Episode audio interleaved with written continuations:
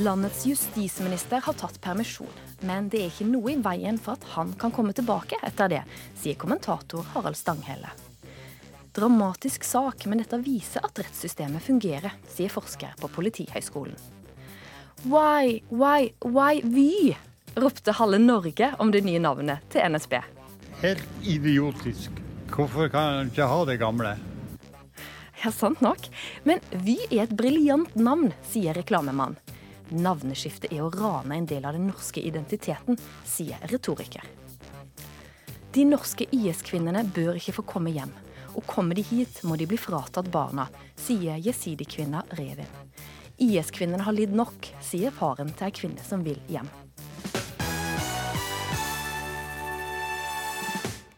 Velkommen til ukeslutt her i NRK P1 og P2. Du kan slå følge med oss de to neste timene. Jeg heter Ann Kristin Listøl. Og vi starter med terroren i New Zealand.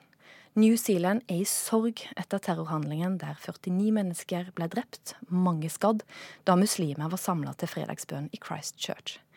Ifølge myndighetene er det høyreekstrem terror som har angrepet landet, og en høyreekstrem australier er varetektsfengsla. Newzealenderne har i dag flere fredsmarkeringer. Kjersti Strømmen, du er vår NRK-korrespondent. Du har kommet til New Zealand. Du, du, har ikke vært der så mange timene. Men hvordan er landet prega av det som har skjedd? Nei, Det er jo på alle måter prega av det som har skjedd. Det virker som om de fremdeles eh, har problemer med å fordøye at det faktisk har skjedd. Nå er det blitt kveld her, vi ligger tolv timer foran i tid. Eh, men òg i kveld så har det vært folk som har vært eh, da på de ulike stedene det har blitt lagt ned blomster for å vise sin medfølelse til de familiene som har mista sine i denne grusomme hendelsen da i går. Hvordan klarer myndighetene å hjelpe de ramma ut fra det du har fått med deg så langt? Myndighetene prøver jo å berolige folk, og sier bl.a. nå at eh, våpenlovene kommer til å bli endra. Denne gjerningsmannen som eh, da var i retten i dag, han eh, har jo da hatt våpentillatelse. Han har vært med i en våpenklubb. Han er egentlig australier men har bodd her i New Zealand i noen måneder. Og eh, akkurat hvordan de har tenkt å endre våpenloven, eh, det vet vi foreløpig ikke. Men det er iallfall mange som har stilt spørsmål til hvordan det er mulig at en høyreekstrem person som han har klart å ha såpass mye våpen da tilgjengelig at han kunne utføre denne terrorhandlingen. Har du kommet fram noe mer om hva som ligger bak? Dette her minner jo veldig mye om det som vi kjenner fra det som skjedde i eh, Norge i 2011 med Anders Behring Breivik. Eh, man kunne jo nesten tro at det er en såkalt eh, copycat, at han vil gjøre noe av det samme. Men han har altså her gått direkte til angrep på muslimer i New Zealand. Og to gutter som jeg møtte på 16 og 17 år i dag, sier at dette her er helt forferdelig, og ikke minst det at eh, man da har gått til angrep på et samfunn eh, tilsynelatende fordi at det ikke har vært angrep før. Altså fordi at man skal føle seg sårbar. Det syns de er helt grusomt. Kjersti Strømmen, eh, det er du på den andre sida av jordkloden, og det er seint på kveld. Takk for at du var med oss her i Ukeslutt. Skal du få gå og legge deg. Og så, her i studio, så har jeg fått besøk av Helen Ingrid Andreassen. Du er psykologstudent. Du er òg bystyrekandidat for eh, Oslo Arbeiderparti. Men du er òg en av de som overlevde terroren på Utøya mm. 22.07. i 2011. Og da du eh, altså du jobber også som frivillig vitne på 22. juli-senteret. Og da terroren, denne terroren ble kjent, så var du på vei dit for å snakke med ei skoleklasse. Hva sa du til denne skoleklassa? Nei, var, som du sier, så var det jo litt sånn eh, spesielt å være på vei, på vei dit da. Eh, det, det, ble liksom en litt annen tyngde i det er noe, eh, å dra dit. altså det er noe jeg, Å være frivillig på 22. juli-senteret er noe jeg setter veldig pris på, som jeg tenker er, er veldig viktig eh, for de skoleklassene som kommer. Men det var klart det var spesielt både for meg og for eh, den klassen som kom, da. Så vi har jo et opplegg hvor vi snakker om, eh, vi snakker om hva som skjedde den dagen, og, og både tiden før, under og etter. Um, og det er klart at den dagen så ble det litt sånn ekstra uh, sterkt, da. Både for meg å fortelle, uh, og for de å, uh, å se hva slags konsekvenser høyreekstremisme har også mange år etter, etter, det som skjedde. Så vi snakka jo mye om det som skjedde på både i regjeringskvartalet og, og på Utøya, men, men også høyreekstremismens utbredelse, og, og, at det fortsatt, fortsatt er folk som dør pga. den type holdninger. da. Det er snart åtte år siden du overlevde da, eh, terrorangrepet. og som du hørte Kjersti Strømmen, korrespondenten vår, si her, sant? det er òg likheter til, til, terroren som rammer Norge. Sant? Det er høyreekstremisme, det er skyting. Mm. Hvordan opplever du det sjøl?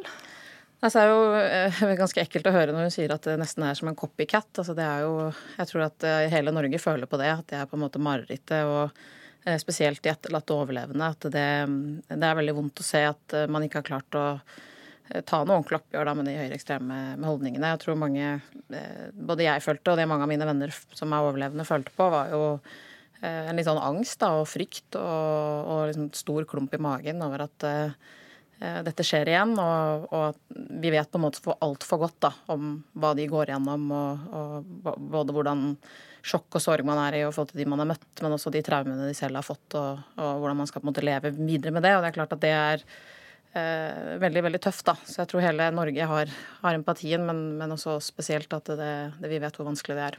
Mm. Du la ut en melding på Twitter når du var på vei til denne for, for å undervise denne skoleklassen, mm. der du sa har sjelden føltes mer meningsfylt og samtidig så smertefullt. Blir kvalm og redd av hatet som lever videre. Mm. Og da tenker jeg, Vi må snakke om dette her, men hva skal vi gjøre? Ja, Det er jo det, er det store spørsmålet. Eh, jeg tror mange føler på sånn redsel og en sånn ekstra, ekstra følelse av vondt, vondt, og smertefullt når, når, det kommer sånn som det. Og jeg tenker at da er det nettopp så ålreit å kunne eh, gjøre noe praktisk, da. Og det vi gjør på 22. juli-senteret, er at det er eh, mange typer undervisningsopplegg mot, mot skoleklasser på ungdomsskole og videregående. Så jeg tenker jo først og fremst så vil jeg oppfordre for alle foreldre som har barn i ungdomsskole og videregående, til å ta initiativ til, å, at elevene At eh, klassen deres barn går i, skal dra på 22. juli-senteret, og at lærere også sender sine, folk, eh, sine klasser dit. Eh, I tillegg så tenker jeg at eh, det er den derre hverdagskampen mot ekstremisme som er viktig, da. Det er jo veldig skummelt når man ser mennesker på sosiale medier eller i kommentarfelt snakke om andre som om de ikke er mennesker, eller at de er mindre verdt. Om det er muslimer eller jøder eller kvinner eller hva det nå er, så er det veldig, veldig skummelt. Fordi vi vet at det har helt reelle konsekvenser. Så det å ta tak i de holdningene tidlig tenker jeg er noe av det viktigste vi kan gjøre som, som enkeltpersoner. da. Ja, Ta tak i ting. Mm. I 2011, da, sant, så du var en av de som hoppa ut av et vindu på Utøya. Du svømte. Mm. Du ble skutt etter. Jeg får, liksom, jeg får klump i halsen når jeg sier det. Mm. Eh, og så ble du redda opp eh, i en båt. Mm. De som har vært utsatt for terroren på, på New Zealand, som har mm. overlevd, hva slags behov har de nå? Ja, da kan jo jeg måtte, si hva jeg, jeg, hadde behov for, og hva de jeg kjenner. Det er klart at det er individuelt, men jeg, jeg tror uh, både det å måtte komme raskt i trygghet det er jo viktig å få avklart at det, det er en gjerningsperson, og det er, eh, det er liksom ikke eh, jeg tenkte i hvert fall de første dagene at det var en konspirasjon og noen skulle komme og ta meg. og så Få den følelsen av trygghet det er veldig veldig viktig, å være sammen med familien sin. Eh, og så var jo den enorme støtten i Norge tiden etterpå synes jeg var utrolig sånn rørende og viktig. Å vise at vi som samfunn er ikke enig i disse holdningene. Så eh, rosetogene og alle blomsteravut for domkirken og det som vi alle husker så altfor godt. Det, for meg så var det ekstremt, ekstremt viktig. Så det å stille opp på den måten som nasjon eh, og så husker jeg veldig godt at det første, første året egentlig etterpå, så, så, er det veldig sånn variabelt hva man har behov for. Min familie var det vi tenkte mye tid for oss selv, men, men, plutselig så hadde vi ikke spist middag på en uke fordi det bare var på en måte kaos og begravelser. Og, så det å tilby seg å hjelpe, eh, det å kanskje gjøre praktiske ting, det å være på tilbudssiden og, og, vise at jeg er der hvis dere trenger noen, det er sånn kjempe, kjempeviktig, da. Ikke vær redd for å bare Nei. være på tilbudssida. Nei, ikke sant. Og det er ikke alle som trenger en skulder å gråte på. Altså, man har ofte familien sin eller sine nærmeste, og da, da, vet man på en måte hvem man er og hvem man stiller opp for. Men hvis du kjenner noen eller er, kjenner noen som er berørt, så er det det å bare hele tiden tilby seg å, å ta kontakt hvis det er noe. Det tror jeg bare er kjempeviktig. Og det var veldig viktig for meg og for min familie, da, som var sterkt berørt. Mm. Og I dag så er du psykologstudent, eh, og du jobber òg da gratis, eh, og som frivillig vitne på 22. juli-senteret. Mm. I tillegg til at du er bystyrekandidat mm. i Oslo eh, for Arbeiderpartiet. Helen Ingrid Andreassen, tusen takk for at du var med her i Ukeslutt. Det er ikke et dekkende navn. Vi er ikke Norges Statsbaner lenger. Og samtidig så har vi noen dyre ambisjoner for framtida som vi har lyst til å få inn i navnet vårt. Og hva er da mer naturlig enn å kalle selskapet for Vy? VY. Tirsdag denne uka tok altså konsernsjef Geir Isaksen sats og fortalte oss at NSB, Norges Statsbaner, ikke lenger skal hete og se ut som vi har vært vant til i mange tiår. Både navnet og utseendet kom i helt ny drakt. Men lanseringa har ikke da gått helt på skinner. Fordi at eh, den har fått mye kritikk, både for selve navnet Vy, og for hva en sånn navneendring koster, som er anslått til rundt 280 millioner kroner. Også politikerne, da. De kaster seg jo alltid på. For et fjollete navn, sa SV-leder Audun Lysbakken. Helt unødvendig, mente Senterpartiet. Og navnebyttet havner til og med i Stortinget, her ved Rødt-leder Bjørnar Moxnes, som ber regjeringa om å stoppe hele spetakkelet. Ja, president. Altså, alle ler av navnet Vy. Eh, Rødt er mot navnebytte, Senterpartiet er mot navnebytte, Arbeiderpartiet er mot navnebytte, SV er det samme, og også trolig trolig samtlige i den salen her er mot dette navnebyttet.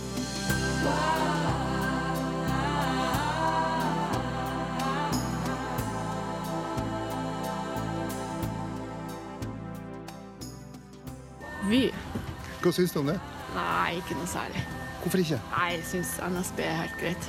Jeg hørte det på vei hit på toget for en halvtime siden og tenker at det der er klassisk 1. aprilspøk. Det er det dummeste jeg har hørt i mitt liv, og det er jo den sterkeste merkevaren vi har i Norge. Vy, som står for Vy, som står for liksom utsyn og fremtidsretta, og så skal det bli grønne tog. Hva syns du om det? Ja, det var jo litt spesielt. Helt idiotisk. Hvorfor det? Jo, hvorfor kan en ikke ha det gamle? Norges Statsbaner. Vy er et norsk ord. Det brukes i skandinaviske språk. Det betyr eh, utsyn, utsikt. Vi har en eh, visjon, vi har en vy for framtida. Det var vår reporter i Bodø, Martin Steinholt, som hadde intervjua folk eh, nordpå. Og så var det vår reporter i Oslo, Andrea Kvamme Hagen, som hadde sydd det hele sammen. Og her har vi en Vy og en, en Vy-entusiast og en Vy-negativist, hvis jeg kan si det. Kjell Terje Ringdal, du er førstelektor i retorikk ved Høgskolen Kristiania. Å bytte her knoter jeg med navnet, det vo, vu, å bytte fra NSB til Vy er å rane en del av den norske identiteten, mener du. Hvorfor det? Jeg tror at eh, denne debatten handler egentlig om tre ting. Og Det ene er altså lyden av Norge som ble borte. Lyden, drømmen, fantasiene om det norske om NSB. Eh, hjem til jul, tradisjonene, alt dette. Det andre jeg har blitt litt opptatt av, er språket. Hva slags språk, hva slags begreper bruker vi når vi endrer navn? Hva gjør språkkonsulentene og designkonsulentene for å få igjennom det man ønsker? Så da har jeg sett på språket, som er litt klamt og litt klebrig. Eh, og litt stort og litt voldsomt og litt endringsvillig og litt fleksibelt. Dynamisk. Og det tredje eh, som, som, jeg da har sett på, er, eh, som for så vidt er mer Ingebrigts eh, domene, det er altså merkevareargumentene. Eh, som jeg altså da våger å mene ikke helt henger på greip, de heller. Fordi andre land, eh, Sverige, Tyskland, Danmark, har klart å bevare sine gamle navn. Så Det er de tre tingene jeg har vært opptatt av. Og da har du egentlig nesten introdusert eh, nabomannen din her. Ingebrigtsen Jensen, du er her ikke i kraft av å være Stabæk-supporter, men Vi har vyer, vi! ja, sant. Reklamemann og Vy-entusiast. Du, Vy er et briljant navn, eh, mener du. Hva, hva, er det, hva, er det, du har skjønt som din retoriker her ikke har skjønt? Nei, jeg, jeg, jeg tenker at, at navnet er fint. Det, men det blir jo en ren smakssak. Altså kan, det kan man diskutere. Man dør, jeg syns det er fint, jeg syns ikke det er fint. Uh, så, så, er hvor hensiktsmessig den diskusjonen er, vet jeg ikke. Men jeg syns Vy er bra fordi det er kort. Fordi det jo, som det ble sagt, handler om utsyn, vidsyn og ambisjoner lite grann. Y er en interessant bokstav å ha med i et, i et uh, navn. Eh, det er ikke tilfeldig at eh, NRKs værvarslingstjeneste eller app heter Yr. kort og konsist og tydelig. Skulle jo tenke ut fra et navneperspektiv at det burde hett Sol, for da blir folk Så glad. folk så glad, ja. Men, eh, men det gjør ikke. Men den interessante diskusjonen er jo kan dette navneskiftet, hva kan det bidra til? Ja. Ikke om man liker eller ikke liker det, for det som sagt, det blir personlig. Og et, eh, det, historien viser oss jo at noen navneskifter har vært ekstremt vellykkede. Noen har vært helt mislykka òg. Men i Norge var navneskiftet fra Norske Meierier til Tine en kjempesuksess. Og du var med på den? Ja, det var jeg faktisk Ja. med på. Eh, Ett år etter at Tide var lansert, hadde det en høyere kjennskap og større liking enn Norske Meierier hadde klart på 100 år. Men, men Tine er jo tross alt altså, det er ikke så fjernt fra norske meierier. Du har en gammeldags Tine Ja, og det var, sånt. det var 3 som visste hva en Tine var. Før de Jeg gjorde lagde ei. Tine på skolen. Men, Ja. men Vy er jo noe annet, da. Ja, vi er noe annet. Men, men, men eh, det er et, akkurat ett år siden Statoil skifta navn Til Equinor. til Equinor. Det var jo også å rane det norske folk fra sin historie, fra noe vi var stolt av, hadde holdt på med lenge. og og, og det var staten, og det var olje og alt mulig. Nå har det gått et år. Alle var jo, hata jo det navnet. Nå har det gått et år. Statoils omdømme er bedret med 6 fra det det var etter 40 år som Statoil. Har bedret med 6 til, til dagens eh, Equinor. Så noen navneskifter går kjempebra, og noen går kjempedårlig. Og det handler ikke alle Men nå snakker jeg veldig lenge. Bryt, avbryt meg, du. Veldig bra. Takk for at du minner meg på at jeg skal avbryte. Ringdal. Ja. Ja, Er det bare ett år fram i tid, og smopp, så er ikke du gretten gammel gubbe lenger? Og ikke var jeg det heller. eh, altså, Hvis vi skal ta debatten om hvorvidt grønt er fint og yr er flott, så, så vil jeg si at eh, om tre kvarter så er det glemt. Eh, dette kommer til å gå helt fint. Eh, men jeg syns for min del, eh, ikke fordi den debatten er uinteressant, men jeg for min del tenker at det er i hvert fall interessant alltid å se på hvilke argumenter og hvilke språk bruker vi når vi skal gjøre endringer. For Du mener at dette blir litt sånn Hollywood-aktig klisjéspråk som du har nevnt i en Ja. ytring på nrk.no? Ja, jeg har skrevet at det blir noe hollywoodsk, og det blir noe iscenesettende, og det kommer en sånn eh, litt tjuktflytende tåke sigende inn. Og i den tåka så ligger det noen ord som har eh, det som Roland Barth, altså den store sosiologen, sier er altså falske myter. Eh, Og falsk språkbruk, falsk argumentasjon, hvor han sier at det er noen ord og begreper som kleber seg fast til oss, og så blir de liksom sanne og liksom gjeldende. Og når jeg har sett på argumentasjonen eh, fra NSBs side, så er det en sånn det som kalles altså tautologisk argumentasjon. Altså eh, si tautologisk? sirkel, sirkelargumentasjon, hvor, hvor man da sier at eh, verden går framover, verden endrer seg, og verden har blitt dynamisk. Derfor må vi bli dynamiske, endringsvillige og osv. Og da spør jeg- Ja, spør. Ja, eh, og da spør jeg bare er vi helt sikre på at argumentene er gode nok? Er det litt tjuktflytende?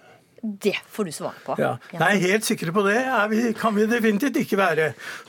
Nei, har du blitt tatt av Hollywood-tåka? nei, jeg tror ikke det. det. Dette er Hollywood. Men Time will show, som det heter.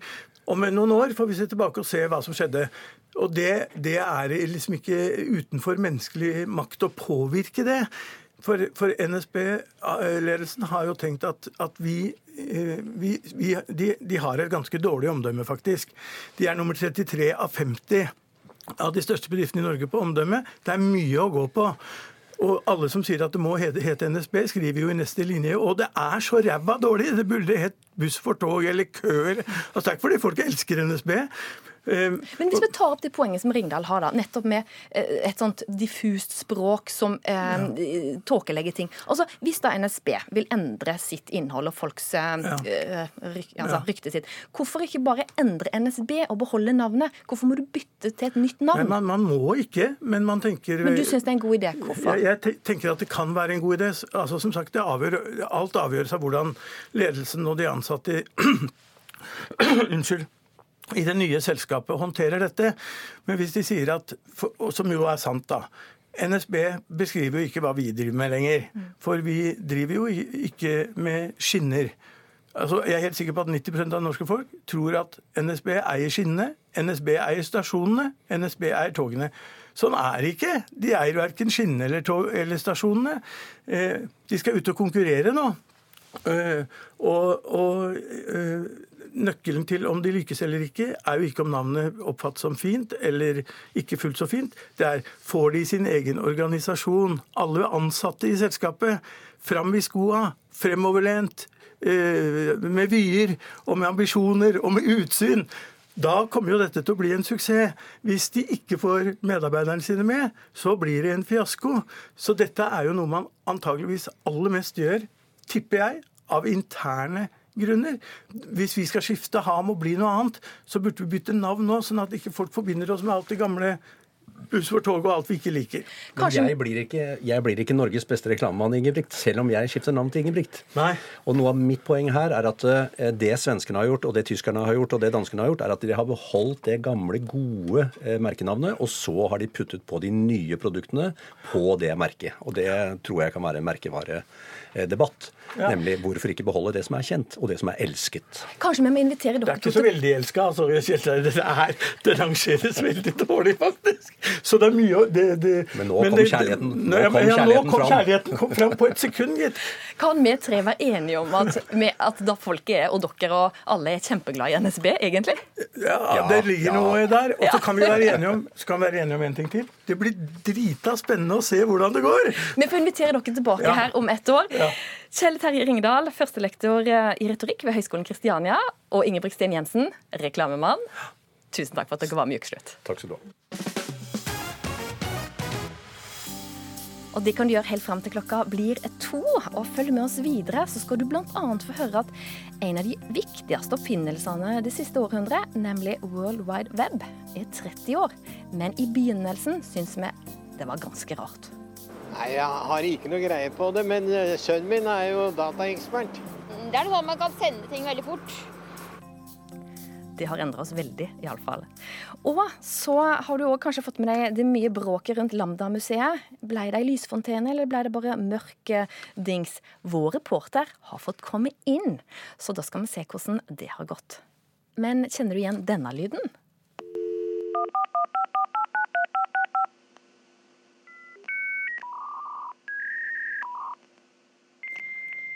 Om, om du kjenner igjen denne lyden, da husker du kanskje òg denne følelsen av å vente på at mordemmet skulle koble PC-en opp mot den store verdensveven. Og det blei jo aldri ferdig. Så du rakk jo å gå på do og hente en kaffe og alt mulig i mellomtida, hvis det da til slutt gikk. Denne uka er det 30 år siden World Wide Web blei gjort kjent. Og det var en helt ny verden som begynte å åpne seg for oss, bare vi nå endelig skjønte hva det var, da. Men hva er, hva er nettet for noe? Jo, det er masse datamaskiner over hele verden som er kobla sammen, og da blir det et nett mellom dem. Men vi kan jo gå på Netscape. Det er, det er der man kommer inn til internett. Ja. Ja. Det innebærer at når en kobler til datamaskinen, kan informasjon spreies over hele verden ved å trykke på en knapp. Gjennom noe en kaller internett. Internettet vokser så raskt at snart kan vi alle være knyttet til det, på samme vis som mange av oss har fjernsyn i dag.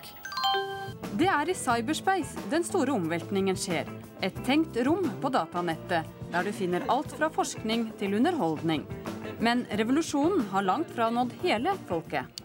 Nei, Jeg har ikke noe greie på det, men eh, sønnen min er jo dataekspert. Det, mm, det er sånn at man kan sende ting veldig fort.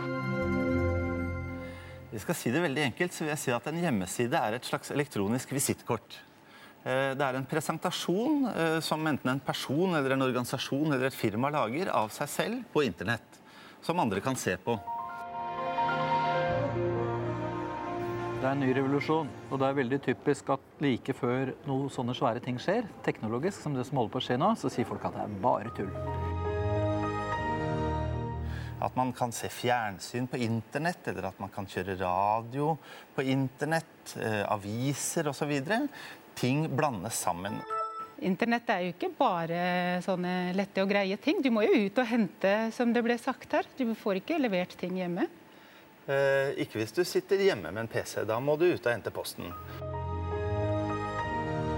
Nå kommer det nye advarsler om hvordan verden kommer til å gå i stå lørdag 1.1 år 2000. Fordi datamaskinene ikke er i stand til å skilje mellom de to siste nullene i 1900 og de to siste nullene i 2000.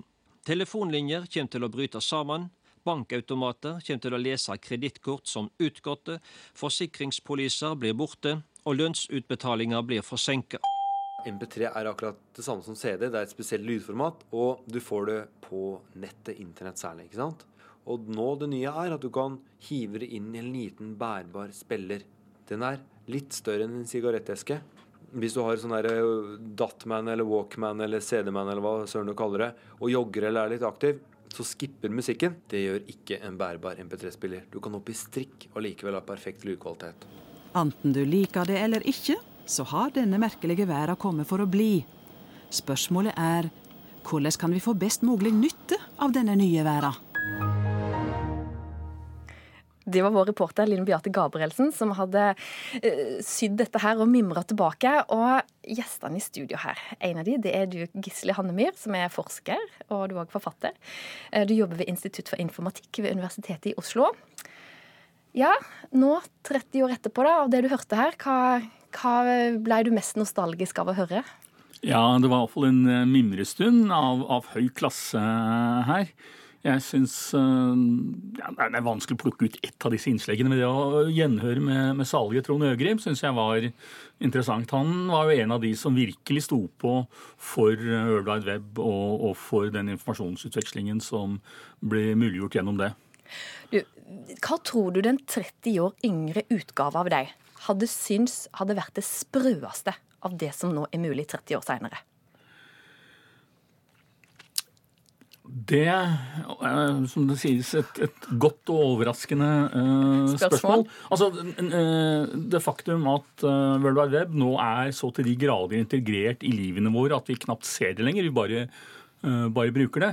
Men jeg husker jo, altså før World Wide Web dukket opp, så drev man når man hadde konversasjoner og var uenig ved middagsbord eller i selskapelige sammenkomster, og tok da, gikk bort til bokhylla og håpet at det fantes en leksikonartikkel om det man strides om. Nå er det jo bare å taste inn noen få eh, deler ofte av det man lurer på, og så boff, så kommer det opp en side på World Wide Web hvor som regel svaret kan finnes.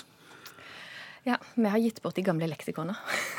vi har en filosof her òg men Det er Einar Øverenge. Du er professor i filosofi. Du jobber ved Høgskolen Innlandet. Du har òg skrevet boka 'Lykkens filosofi'. Nå, 30 år etterpå, har vi blitt lykkeligere?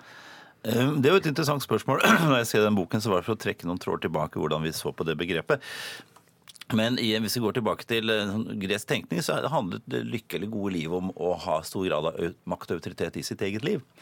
Og dette er jo interessant. Så i én forstand så har jo all teknologi har jo handlet om å frigjøre seg fra tvang. ikke sant? Altså ta makt over omgivelsene sine ved hjelp av å utvikle, omsette kunnskap til teknologi. Og det har vi gjort, eh, og, og vi har utviklet verktøyer. Og så har det alltid vært en tendens til at disse verktøyene etter hvert har begynt å definere og legge bånd på virkeligheten. ja, så den, den, den, It backfires, som vi sier på godt norsk. Og det samme også her. Altså har de gjort det nå? Ja, du kan til en viss grad så er det klart at denne kommunikasjonsteknologien har frigjort oss fra mye. Du, du må ikke gå i banken for å gå i banken lenger. Du må ikke, altså, du må ikke bort til boken og hente leksikon. Altså, alt er der. Samtidig som den har begynt å båndlegge oss samtidig. Altså verktøyene har begynt å bli virkelighet og, og, begynt å presse oss fra andre kanter. Og Det er en sånn klassisk problemstilling knyttet til all teknologiutvikling. Men vi ser det også her.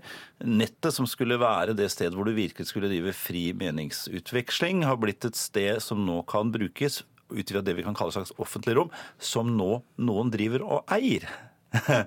og dermed kan båndlegge på en ny måte. Og i dag er det sånn at selv et opprør mot Facebook må nødvendigvis skje på Facebook, ellers får du ikke med deg noen. Hannemyr, du har droppa Facebook. Hva gjør du for å ikke være en del av dette her? Uh, ja, bli spist av teknologien? Nei, altså, jeg har droppet en god del, eh, og spesielt Facebook og en del sosiale medier, rett og slett bare fordi de for meg er uinteressante. Men det er ikke noe sånn altså, øh, luditisme fra min sin side. Altså, Grunnen til at jeg dropper ut av disse tingene, det er at man har begrenset tid og må prioritere det. Og da er Face liksom ikke en av de tingene som jeg har lyst til å, å prioritere. Og så, Jeg mener jo at uh, samband med dette, at, at, den teknologien man bruker, den bør lages av en selv eller noen i ens uh, omgivelser som man faktisk stoler på og kan ha en viss kontroll over. Altså ikke la Kina få lagre det?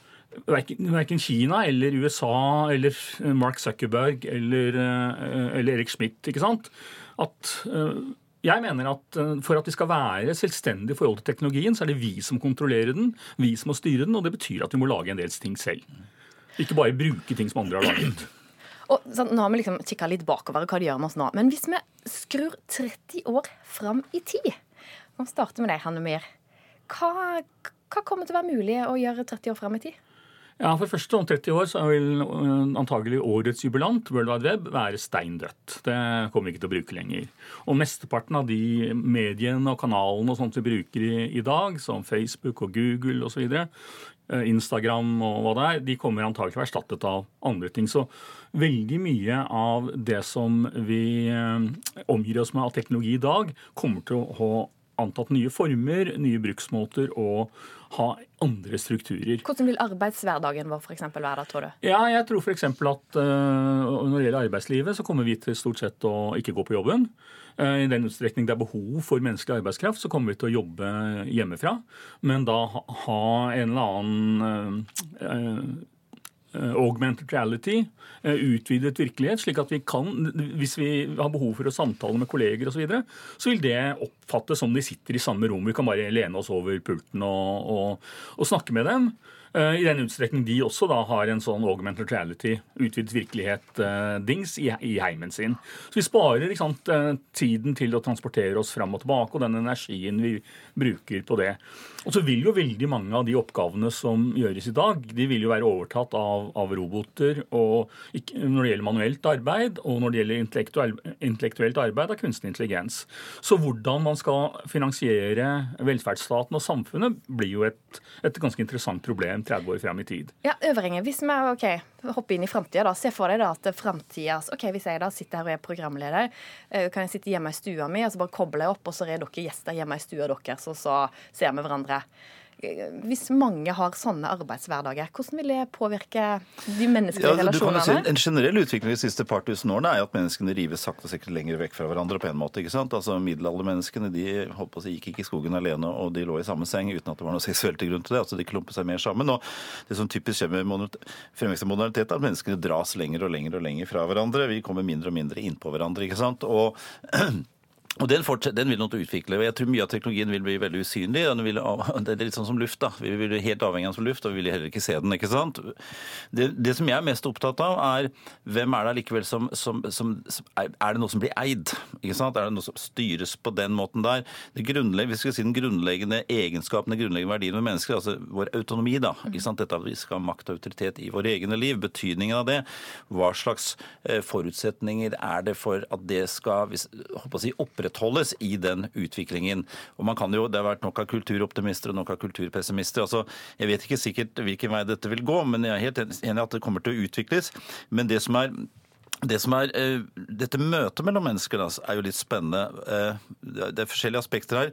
Men, det at vi har det, det, å tåle hverandre i en eller annen forstand, altså det å komme borti hverandre ikke sant? Dette, uh, dette komme inntil hverandre, i hvilken grad tåler vi Eh, for eksempel, og da tåler forskjellighet, forskjellige oppfatninger, tåler nærheten av hverandre. Alt dette her, altså de typer relasjoner. Fordi vi utsettes i mindre og mindre grad for det.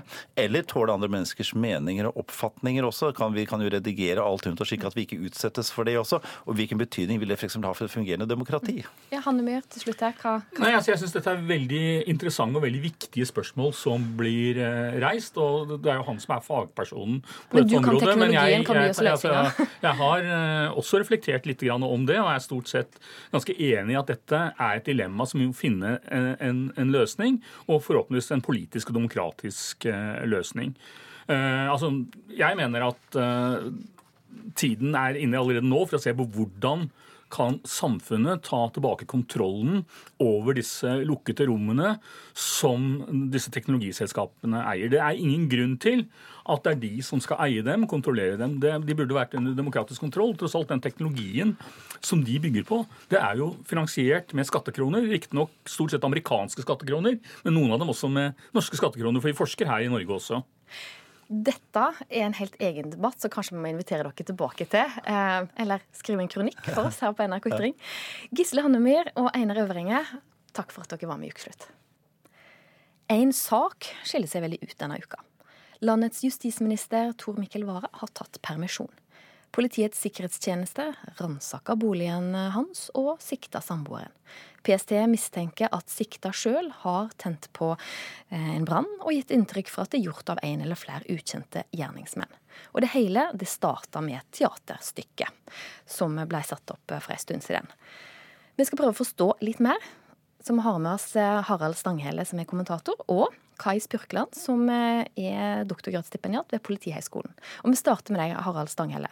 Altså, alt er jo egentlig, sånn som det blir framstilt, veldig spektakulært. Du kan knapt nok tro det. Men hva er det som er viktig å forstå her, hvis vi går tilbake til det det hele starta med, nemlig teaterstykket? Ja, For det første så eh, er jo de, de, de, to siste døgna så er det skrevet et helt spesielt kapittel i vår politiske og strafferettslige historie som ikke minner om noe vi har opplevd eh, tidligere. Eh, det begynte med et teaterstykke som eh, brukte bilde og filming av justisministerens hus.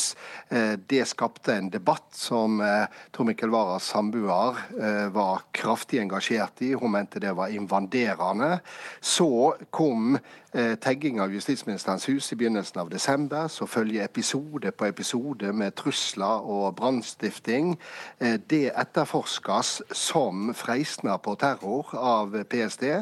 Eh, av alle, også statsministeren og justisministeren, blir dette tolka som et angrep på politikeren Tor Mikkel Wara, og slik også et angrep på eh, demokratiet.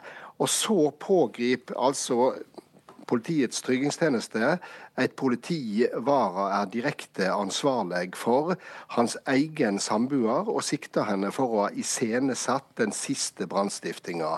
Hun nekter, og mener politiet er på villspor, og der står saka akkurat nå. Og eh, Kai Spjørkeland, du er doktorgradsstipendiat, doktorgradsstipendiat eh, ved Politihøgskolen. Du jobber òg som politiadvokat ved Oslo politidistrikt. Det er samboerne sikta for. Det er kun en siktelse. Ingen er dømt. Og det er ikke et spesielt stort lovbrudd heller, hvis vedkommende blir dømt. Hvorfor er ikke dette så veldig stort? Nei, for ordens skyld så sånn kan jeg juridisk. Ja, for ordens skyld så kan jeg begynne med å si at uh, jeg har ikke noe mer kjennskap til denne saken enn uh, en, hver annen avisleser, så noen intrikate detaljer kan jeg ikke komme med. Ja. Og, og vi det, trenger bare litt folkeopplysning med. Ja. Og det vi vet i denne saken så langt, det er jo at eh, politi- og påtalemyndigheten, og for så vidt Oslo tingrett, har god grunn til å tro at Varas samboer har tent på bilen for å gi inntrykk av at hun er utsatt for trusler. Det er det vi vet. Om det stemmer eller ikke, det vil videre etterforskning vise. Så jeg er helt enig i Stanghelles vurdering av denne saken. Den er ekstraordinær, både politisk og, og strafferettslig. Men vi skal se helt isolert på strafferettssiden av dette, så er ikke dette et spesielt alvorlig lovbrudd. Det har en strafferamme på ett år. Eh, det er det samme som fyllekjøring. Det er langt mindre enn vanlig tyveri. Hvis du stjeler en litt dyr vinterjakke, så har det to års strafferamme. Eh, så forholdet er ikke spesielt eh, alvorlig. Det er for oppdiktet straffbar handling. Og de overtredelsene man ser for det ellers, det er typisk i forbindelse med forsikringsbedrageri. Du trenger penger, du selger det dyre kameraet ditt på Finn. Og så knuser du ruta på bilen og melder det stjålet, og da gir inntrykk av at det er, har skjedd noe straffbart som ikke har skjedd. Så det er ikke et spesielt alvorlig straffbart forhold. Og, og, normalt, når noen gjør noe forsikringsvindel eller hva det måtte være, så blir ikke det en svær sak. Så Stanghelle eh? Eh, isolert sett ikke et stort lovbrudd, eh, gitt at eh, noen blir dømt her. Men absolutt alle snakker om dette her, og veldig mange kommentatorer sier sånn dette er enestående, enestående. Hvorfor blir det så stort? Ja, Det er fordi at uh, dette dreier seg om uh, kombinasjonen av uh, politikk og det som en har lenge trodd var et forsøk på terrorisme eller skading, brannstifting. hvis til dømes det hadde lykkes med å tenne fyr på en bil med de eksplosivene som er der, ja, så er dette terrorisme. Og sånn har det også vært framstilt. Det har vært framstilt som at dette var trugsmål mot justisministeren som politiker på det feltet der en politiker alltid vil være på sitt mest sårbare, altså noe som rammer heimen, som rammer de næreste. Hvis dette da viser seg å være iscenesatt innenfra huset, ja, så eh, er det så spesielt at det selvsagt gjør at en må snu opp ned på det vi har tenkt omkring dette nå. Eh, og da får det også virkninger helt opp på regjeringshall. Det er jo også helt spesielt og aldri tidligere skjedd at en justisminister har fått ransaka huset sitt eh, eh, av det politi som han sjøl er ansvarlig for. Ja, og eh, Stanghelle er inne på et veldig viktig poeng her. for Det er ikke, den, ikke alvoret i straffesaken som gjør denne saken interessant, det er den politiske dimensjonen. Og, og eh, Helt enig med Stanghelle her. Det, det alvorlige eh, og ekstraordinære i den saken er at hvis hun har tent på denne bilen, som, som det er grunn til å tro, så er det alvorlig på den måten at de bidrar til å skape frykt. Og de bidrar til å skape en ganske alvorlig frykt, for det er ikke bare Det, det kan true eh, det demokratiske fundamentet for vårt eh, samfunn. Det skaper frykt ute, og det bidrar også til å kaste mistenksomhet over på andre personer. Altså Blackbox eh, har jo, eller Noen politiske miljøer og, og Blackbox-teatret har jo på en måte vært i søkelyset for dette. og Hvis det viser seg at det har det er gjort av Varas samboer selv, så får det også den, det blir en veldig uredelig politisk debatt. For dette, dette jo, går jo inn i Fremskrittspartiets innvandringspolitikk. og og Varas eh, syn på dette. Så, så, ved å på en måte bringe inn dette, så, så skaper man en falsk offerstatus. Og, og, og har, da er det en uredelighet i den politiske debatten som er ganske alvorlig. Stanghelle, eh, noen har tatt til orde for at eh, Vara det blir vanskelig å komme tilbake. Men du sier at det er ikke noe i veien for at han kan komme tilbake som justisminister når permisjonen er, eh, når han, ja, permisjonen er ferdig. Hvorfor det? Ja, altså Erna Solberg eh, og Tor Mikkel Wara har tid til å tenke seg om, og de har tid til å få bedre oversikt over uh, saka. Det er ingen grunn til at uh, de skal ta stilling til dette nå. Systemet vårt er jo et robust system, og en statsråd kan godt ta permisjon og så komme tilbake for fullt. Det er mange dømmer på det. Uh, ja, Hvis vi ser i bakspeilet, så kan en jo huske på at tidligere statsminister Kjell Magne Bondevik i 1998 hadde 25 dagers sykepermisjon grunnet en depresjon. Og for bare to år siden så hadde justisminister Sylvi Listhaug fødselspermisjon. Så ja, det er absolutt eh, mulig. Dessuten er ikke Tor Mikkel Wara ansvarlig for det samboeren hans måtte ha gjort, hvis hun har gjort noe som helst. Og så er det selvsagt et åpent spørsmål om det blir for komplisert for eh, Wara å være ansvarlig fremdeles for eh, et PST som straffeforfølger hans eh, samboer, men der er vi ikke nå. Det kan jo også være at eh, han må bruke alle sine krefter for å ivareta sine næreste i tida framover, men det vet vi heller ingenting om. Derfor så reagerer jeg på de som eh, nærmest på instinkt, automatikk eller som politisk opportunisme nå liksom sier at dette blir slutten på Tor Mikkel Wara som justisminister. Kan gjøre det, trenger ikke gjøre det holde, holde hodet kaldt her. Eh, men bare helt på, til slutt her, så skal Spurkland òg få slippe til. fordi at du, sant, du sier at ja, saken er dramatisk, men det viser òg at rettssystemet fungerer. Hvorfor det? Jo, Saken er dramatisk, men den viser også at vi har et, en robust rettsstat og et rettssystem som fungerer. Og, og det spørsmålet som ble stilt i sted, hvordan, hvordan går det an at uh, en justisminister kan bli etterforsket og ransaket hjemme hos A, de han er leder for? Og For å forstå det så må vi skjønne forstå det som vi kaller det tosporet systemet. Jeg skal prøve å forklare det veldig kort. Men, men eh, politiet og påtalemyndigheten er to ulike eh, organer. Politiet har ansvar for ro, orden og sikkerhet. Påtalemyndigheten har ansvar for etterforskning og straffeforfølging. Det som kompliserer det litt, er at eh, politiet er begge deler. Eh, og PST er til de grader det. Så når, når eh, PST f.eks. ivaretar sikkerheten til politikere, som vara, så gjør de det, det vi kaller politisporet, og da er justisministeren ansvarlig og kan instruere om hvordan det skal gjøre. Men når PST begynner å etterforske i straffesaker, som også er en PST-oppgave, så er det Riksadvokaten som er den eneste overordnede, den eneste som kan gripe inn i den saken. Så Vara, selv om han er sjef for politiet, er ikke i posisjon til å gripe inn og verken eh, å påvirke etterforskningen på noen som helst måte. For der er Riksadvokaten sjefen. Der er Riksadvokaten sjefen. Kai Spurkeland og Harald Stanghelle, takk til dere begge to for at dere var med og gjorde oss eh, rydda litt og gjorde oss litt klokere her i Ukeslutt. Klokka den har bikka ett, og Dagsnytt-reporter Vidar Eidhammer er her i studio. Og New Zealand er i sorg etter terrorangrepet i Christchurch. Ja, Blomsterhavet i parken utenfor eh, Al-Noor-moskeen, som var en av de to moskeene som ble råka, det bare vokser. Det har også vært minnesmarkeringer for de 49 som ble drepne i dag. På sykehus blir det jobba hardt for å redde livet til flere som ble livstruende skadde i åtaket. Samtidig har statsministeren Jacinda Ardern kommet til Christchurch. Hun hadde på seg et svart skaut da hun møtte familiene til drepne og folk som overlevde åtaket. Mannen som er arrestert for åtaket, er altså sikta for drap. Og så, hvis vi flytter oss til Frankrike. De gule vestene og politiet har barka sammen i Paris i dag. Hva er det som har skjedd?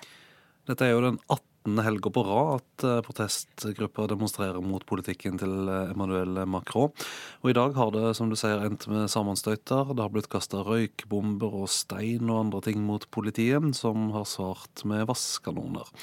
Dette har skjedd midt på Champs-Élysées, også nær Triumfbuen midt i den franske hovedstaden. Og det har også kommet meldinger om at folk har begynt å plyndre butikker på Champs-Élysées.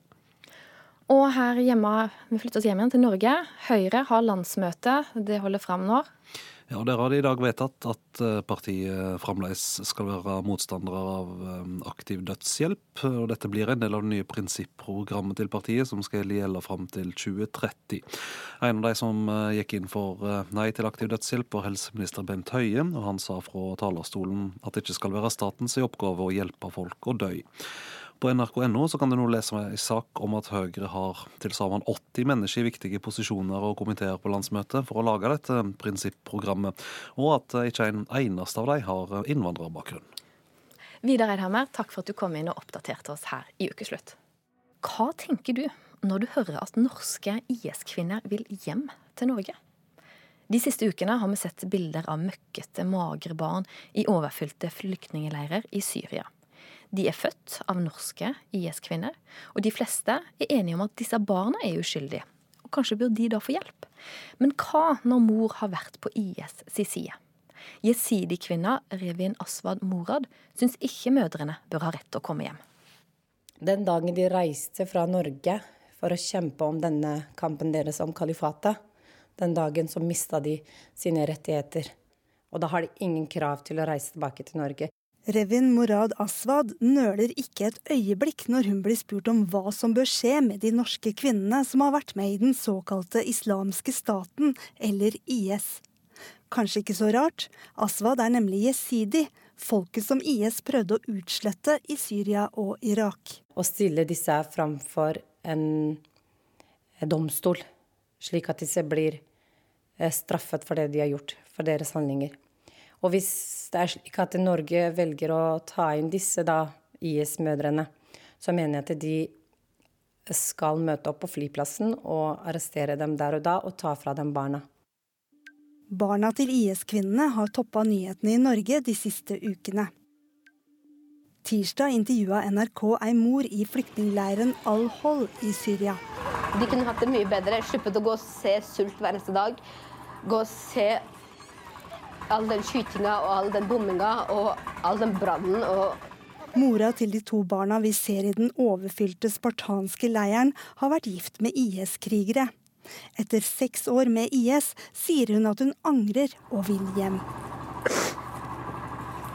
Jeg vil virkelig tilbake til familien min. Det er det eneste jeg ber om.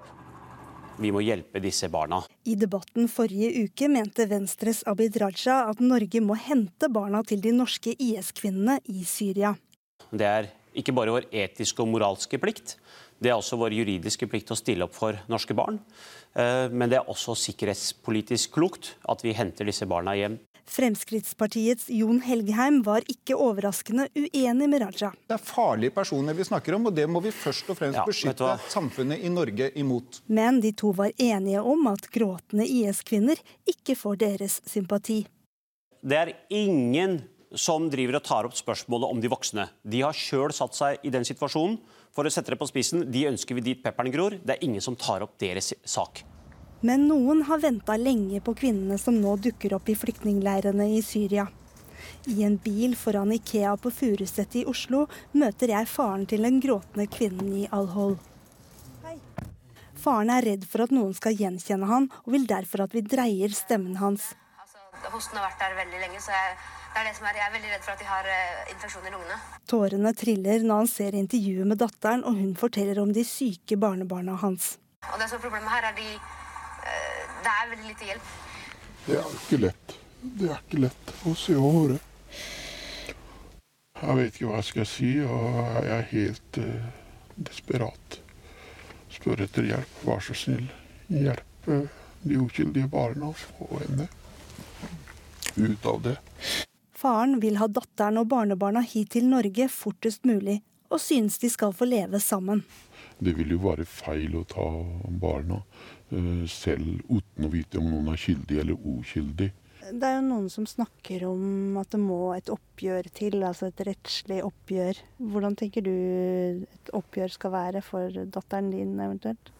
I Norge som et demokratisk land så vi straffer ikke folk for det de ikke har gjort. Selvfølgelig de som har uh, gått uh, forbrytelser, de, de, kommer jo til å bli stilt i retten her. Og jeg vet, at, uh, jeg vet hvordan de hadde de kvinnene som var der. Uh, og de, de, er egentlig De har lidd mye. Og de hadde ikke noe annet valg enn å bare uh, være der og ikke si noe imot. Men ja, for det, det, er kanskje det som er vanskeligst å forstå uh, for oss som står utenfor, da. Det er hvorfor kvinnene dro. Jeg tror mange var lett lurt fordi at de var unge, hadde ikke noe livserfaring. Hjemme hos Revin Morad Aswad i Sandefjord står TV-en på en kurdisk kanal. Eh, de snakker om at eh, det er noen IS-mødre fra Australia som er der nå, og de sier at eh, Australia vil ikke ha dem tilbake. Statsminister Erna Solberg har sagt at IS-kvinnene kan vende hjem, men at de vil bli straffeforfulgt. Morad mener Norge burde sagt nei. Og jeg tenker da at disse kvinnene visste hva de var med på. De har vært med og torturert, og de har vært med og kidnappa våre jenter, og de har vært med på massedrap. Eh, hvis, da, hvis vi sier at eh, disse kvinnene kommer tilbake til Norge, at Norge velger å ta imot den pga. barna, så mener jeg at disse må bli satt i fengsel, og barna må bli fratatt og bli behandla. Reporter eh, som har laga denne saken, det er Kari Li. Høyre har sitt landsmøte denne helga, og som vi hørte i nyhetene, så har de vedtatt at de fortsatt skal være imot aktiv dødshjelp. Reporter Trond Lydersen, du er der, og partiet prøver vel å få fokus på politikken sin, men klarer de det etter denne uka? De, de har i hvert fall veldig veldig lyst, for dette skal jo være en slags eh, kickoff for hele kommunevalgkampen. Eh, men det har jo kommet inn en ganske spesiell pikant affære, kan vi si. Så, eh, og jeg sitter her med næringsminister Torbjørn Røe Isaksen, som nok har veldig lyst til å snakke om politikken til Høyre. Men først så må vi jo spørre. Det at justisministeren har hatt en samboer som man mistenker har tent på egen bil, hvordan påvirker det det som skal på en måte være en skikkelig startsignal for kommunevalgkampen dere nå prøver å vinne? Eh, altså, det er jo mange, særlig vi som sitter veldig tett på eh, og har jobba med Tor Mikkel hver eneste dag, er jo, lar oss jo selvfølgelig påvirke av det. Men, men, eh, hvis jeg skal være helt ærlig, så tror jeg ikke den saken har, har lagt noen demper på det politiske verkstedet som Høyres landsmøte er for de aller fleste. Det er for at her samles det folk fra hele landet. Og dette er, dette er jo en alvorlig sak, og det er en sjakkerende sak, men den føles nok mye sterkere for oss som, som sitter midt i Oslo Oslo-gryta enn for de som er ute i lokalsamfunnene sine og forbereder eh, valgkamp om lokale ting. Dere vedtar jo da første gang på elleve år et nytt prinsipprogram som er på en måte å liksom finne sjela deres litt igjen. Men så er det jo resolusjoner for hvordan dere skal vinne kommunevalgkampen, og også byene. Og så hører vi at dere kommer med da litt hardere tiltak når det gjelder unge kriminelle, som har vært en eh, viktig sak den siste tiden. Hvor stor dreining er det dere gjør der? Ja, der, der, er det en ny politikk, og det er rett og slett fordi at uh, samtidig som vi skal forebygge og hindre at folk, uh, unge mennesker, blir, blir, rekruttert inn og shanghaia inn i uh, grove kriminelle miljøer og gjenger i Oslo, eh, så er vi nødt til å ha umiddelbare strakstiltak. Eh, ordren og marsjordren til politiet er jo allerede gitt, men vi vil gi politiet ytterligere verktøy. Vi sier f.eks. at politiet skal øke visiteringen for å finne kniver. Vi øker bøtene for å oppbevare kniv. Et av de store forslagene er jo også at vi skal ha mulighet fra myndighetenes side til å kunne gå inn og konfiskere f.eks. fine biler som åpenbart er ervervet seg gjennom tjuvgods og kriminell aktivitet, ikke på lovlig måte. Og Det er nødvendig, for vi kan ikke bare satse på langsiktig forebygging. Vi er nødt til å slå ned på disse gjengene nå. Så som du sier, dette er jo et politisk verksted hvor Høyre går. Og så vet vi samtidig at Arbeiderpartiet har levert inn forslag om å gjøre tilstramninger. Frp vet vi hvor står i dette. Og dette skal være en marsjordre til deres egen regjering. Vil det si da rett og slett at dette kommer til å skje? Punktum finale? Eh, ja, jeg tror vi kan anta nå at eh, det er et ganske stort flertall på Stortinget for enda tøffere virkemidler mot eh, gjengkriminelle. Og en del av tiltakene regner med at regjeringa vil komme tilbake til ganske fort. Og så er det noen ting vi skal se litt nærmere på. F.eks. om det skal være slik at det er straffeskjerpende å være en del av en kriminell gjeng, på samme måte som man er det er straffeskjerpende å være en del av organisert kriminalitet. Men hovedpoenget her er at regjeringa sier at, nei, Høyres landsmøte sier at vi trenger enda sterke virkemidler for å slå ned på gjenger som da terroriserer nabolagene sine, ødelegger livene til unge mennesker og, og gjør livet utrygt i hele nabolag i Oslo. Men det dere kom med, det vil være nye tolkninger av Barnekonvensjonen som Norge har tatt inn i sitt lovverk, og som skal, som skal være styrende. Dere sitter med to andre partier som har andre standpunkter her. Hvordan kan du være så sikker på at dette skjer? Jeg, det, det jeg er ikke sikker på at, det er ikke sikkert at alt Høyres landsmøte vedtar, vedtar, automatisk går gjennom i regjering, men det jeg er ganske sikker på er at det er et stort flertall på Stortinget som ønsker å slå hardere ned på gjengkriminalitet.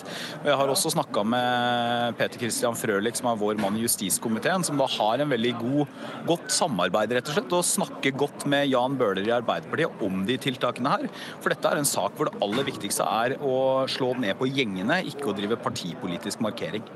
Det er et verksted, men fortsatt så er det kanskje.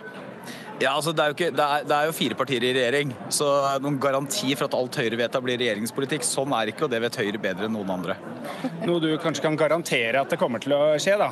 Det er jo at det blir en ganske stor fest her i kveld. Hvor viktig er dette for å løfte teamet Høyre for å klare å vinne valgkampen?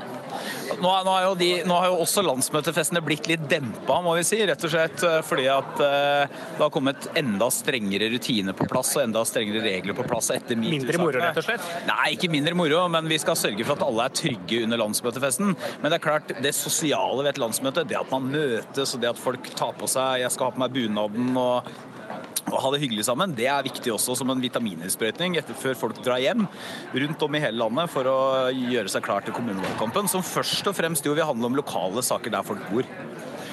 Da får vi bare se om en Torbjørn Røe Isaksen i bunad svinger seg i kveld. Hjelper Høyre til seier i kommunevalgkampen. Lykke til! Og, og Trond Lydersen, tusen, takk til, tusen takk til deg. Og for å si det sånn, det er veldig varmt å gå på fest i bunad. Det kan jeg iallfall underskrive på. Takk til deg, Trond Lydersen. Akkurat nå puster og peser rundt 10 000 Birkebeiner skiløpere i kondomdress og raske briller, og de går fra Rena til Lillehammer.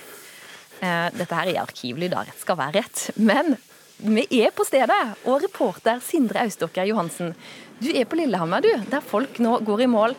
Hvorfor i alle dager orker de dette? Nei, det kan du si. Altså, Rennet er jo laga til minne om det sagnet om birkebeinerne som frakta den lille prinsen Håkon Håkonsson helt fra Østfold og til Trondheim. Da var de jo da innom Lillehammer, men dagens løpere går ikke så langt. Dagens eh, løypa er jo på 54 km. De går i klassisk stil, og det er ganske langt. Og eh, frivillighet er noe som er veldig viktig for å få til det her eh, flotte rennet. Og i faktisk 54 år så har Harald Moen vært frivillig arbeider her med Birkebeineren. Han har faktisk mottatt kongens fortjenestesmedalje i gull for det. Og Harald, hvor viktig er Birkebeinerrennet for folk her i Lillehammer og folk i Norge generelt? Jeg tror at Birkebeinerrennet har blitt en betegnelse som gjør at det er stas å være med, og det samme er også for oss funksjonærer, at det er moro å være med på det. Og at det er stadig nye ansikter som dukker opp. Og den dagen du føler at eh, de aktive er fornøyd, så er også vi funksjonærer veldig fornøyd. Ja, Du har jo vært eh, med her i veldig mange år. Eh, har du noen gode historier på hvor viktig Birkebeinerrittet kan være for folk, også utenom det rent sportslige? da? Ja, det er jo massevis av sånne historier og sånne ting som har skjedd opp gjennom disse åra. Men jeg tror den største gleden for alle som kommer her i målområdet, det er dette at de har kommet seg velberga over fjellet, og at de i mange tilfeller har klart dette berømmelige merket. Det er nok det viktigste for de fleste. Det er også mange som er veldig skuffa når de ikke har klart merket, men det, det går over igjen etter en stund. Ja, I år er det vel omtrent 10 000 løpere. En fjerdedel av de her er utlendinger. Hvor stor har Birken egentlig blitt internasjonalt? Det er jo et av, eller det er vel Norges mest tradisjonelle rike turrenn. Hvordan har det blitt internasjonalt? Jo, der tror jeg at det gjelder veldig god markedsføring nettopp i utlandet. Det har vært ambassadører til stede på de store arrangementene rundt omkring i Europa, og også i Amerika. Og det har gjort sitt til at det har blitt en glødende interesse for Birkebeinerrennet og Birkebeinerarrangementer generelt. Det er jo også Birkebeinerrittet og Birkebeinerløpet, så det er massevis av ting som har Birken-navnet i seg. Ja, Birken er jo altså et renn for alle. Det er jo både profesjonelle utøvere, turløpere, kjendiser. Det er veldig mange som hiver seg på det rennet. Og eh, nå er jeg jo her i målområdet og ser eh, mange slitne fjes, og det kommer det òg til å være videre utover dagen. Sindre Auståker Johansen, takk for at du var med og ga en rapport. Og til alle dere som går, enten dere gjennomfører eller ikke, fy søren, jeg er imponert over at dere går. Det nye Munch-museet Lambda har fått kritikk for at bygget ikke ligner på tegningene. For det som på tegningene var et lyst bygg, denne lysfasaden dekka av glassfasade, er erstatta av 4000 aluminiumsplater med hull i. Ukeslutt reporter Gry Veiby hun har snakka med folk som kikka på det nye bygget fra Operataket, som ligger et steinkast unna i Oslo. Du sitter her og ser på Lambda. Uh. Det har vært veldig omdiskutert. Ja, ja det har det. Ja. det. Hvis, ja. hvis, jeg kan si eh, Beskrevet som en sånn treplankehaug, og sånn ser det ut. Det gjør det. Ja. Og, og, det jeg tenkte var at jeg hadde sett bildet på fjernsynet at det skulle være et lys, eh, eh, fontene på en måte. Og så forsto vi det ble for dyrt, og så ble det valgt et annet materiale. Og når jeg så det på fjernsynet hvordan det ville bli, tenkte jeg å, det var noe helt annet enn det som var forespeilt. Og nå måtte vi bare bort og sjekke før vi skal på toget. så hva er dommen, da? Dårlig. Nei. Skuffende. Ja. Skuffende. Ja. Vi er turister fra Ålesund. Det er veldig kult. Det er på tide at eh, Munch sin kunst finner et hus som passer eh, på hans verk, syns vi. Kjempebra. Det har vært heftig debattert i årevis, det nye Munch-museet Lambda. Nå står det snart klart, men kritikken har jo ikke stilna. For mange reagerer på at bygget blir solgt inn som et elegant lystårn, og så ser det annerledes ut enn de gjorde på tegningene. Munch ville snudd seg i grava, sa kunsthistoriker Tommy Sørbø i debatten tidligere denne uka. Vår reporter Gry Veiby hun tok med seg Sørbø på en omvisning eh, i Lambda for å se kan han la seg bli overbevist. Her ser vi det i all sin prakt. Her ser vi det, ja. Oi. Ja. når, når er det du så det sist? Jeg så det faktisk i går, men da så jeg det på større avstand. Og da så det jo ganske lite ut, men herregud. Ja.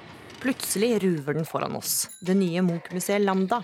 Høyt, mørkt og med en knekk på toppen. Det er, jo, det er jo autovern man tenker på som det første her, da. Et autovern med en sånn glasskasse, en glasskasse på toppen. Jeg har tatt med meg kunsthistoriker Tommy Sørbø, en av mange som har kritisert bygget som i årevis har vært planlagt, avlyst, planlagt, og som nå snart står ferdig. Men kritikken har ikke stilna av den grunn.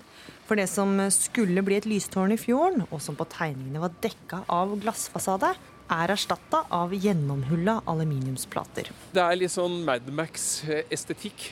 Litt sånn eh, tegneserie som skal fremstille en litt ond sivilisasjon, hvor eh, de sitter oppå der og kan skyte og, drepe og det detter ned. Altså, det er noe truende, noe ruvende og litt sånn dystert uhyggelig. Nå skal vi få en omvisning i det 13 etasjes høye bygget. Kan det gjøre Sørbu mer positivt innstilt? Absolutt, jeg kan la meg omvende. Ja da. Ja. Jeg, det skal ikke ta preg av en religiøs omvendelse, men jeg, jeg vil høre på argumenter, eller se på argumenter.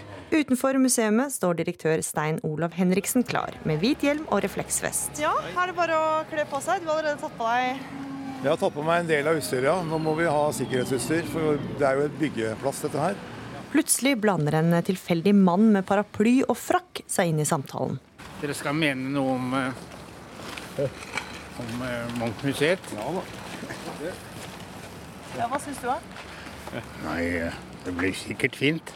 For å si som naboen min sa, det blir sikkert fint innvendig når får pynte opp med litt bilder. Rundt oss jobber gravemaskinene på spreng, og vi går mot inngangspartiet. Men det er jo da en, en utfordring også sånn rent sånn praktisk. Det er jo at du liker jo ikke heiser.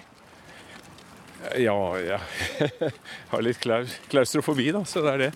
Og så er vi inne i det som skal bli landets nye Munch-museum. Det er ikke så lett eh, kanskje akkurat nå, men eh, hvis, du, hvis det nå kommer en fugl forbi, så vil du jo se at eh, de perforerte aluminiumsplatene faktisk er overraskende gjennomsiktige. Ja, men Men Hva nå syns du da om kritikken om de som mener at det ser ut som en sånn trailertilhenger, eller altså at, du, at det ser så mørkt ut? Jeg skjønner at folk er bekymret eller, eller kanskje negative til det de ser nå i forhold til disse lyssterke digitale framstillingene man har sett i ulike medier.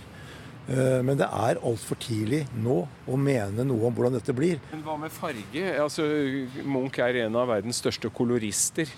Eh, Han har en fantastisk fargesprakende palett, eh, og her har man valgt en grå farge. Det er altfor tidlig å ha bastante meninger om dette, fordi rett og slett ikke er mulig å, å få et inntrykk av hva det kommer til å bli. Altså, Det har jo alltid vært for tidlig til å si noe om det. Da det var på skisseplan, og da tegningene ble lagt fram og programmet var klart, så uttalte jo jeg meg om det. Og da fikk jeg høre akkurat det samme. Jeg sa da at det må ikke bygges.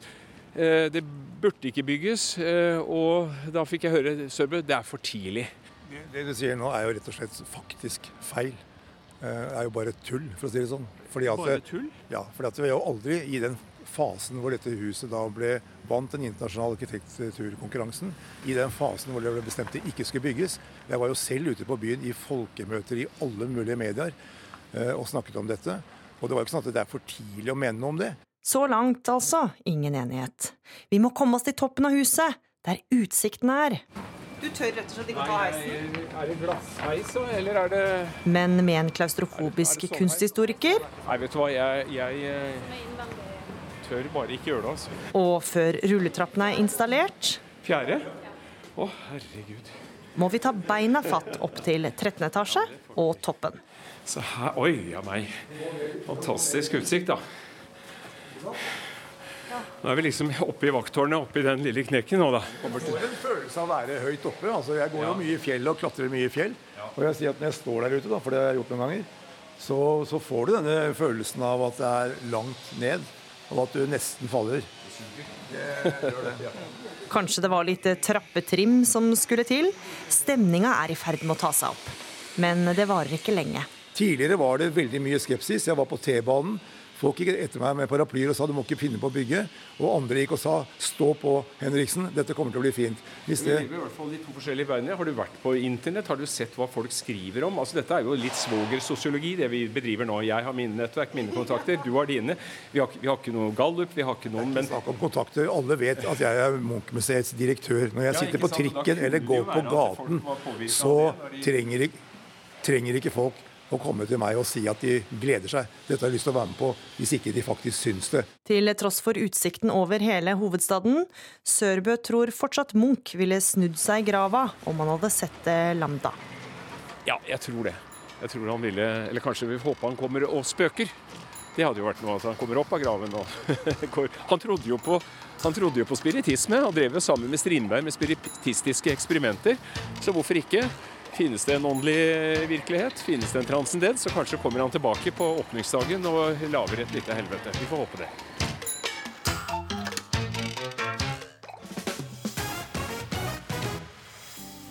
Ansvarlig for denne ukesluttsendinga har vært Marie Roksund. Teknisk ansvarlig Erik Sandbråten. Jeg heter Ann Kristin Listøl. Og vi i Ukesluttredaksjonen ønsker deg riktig god helg.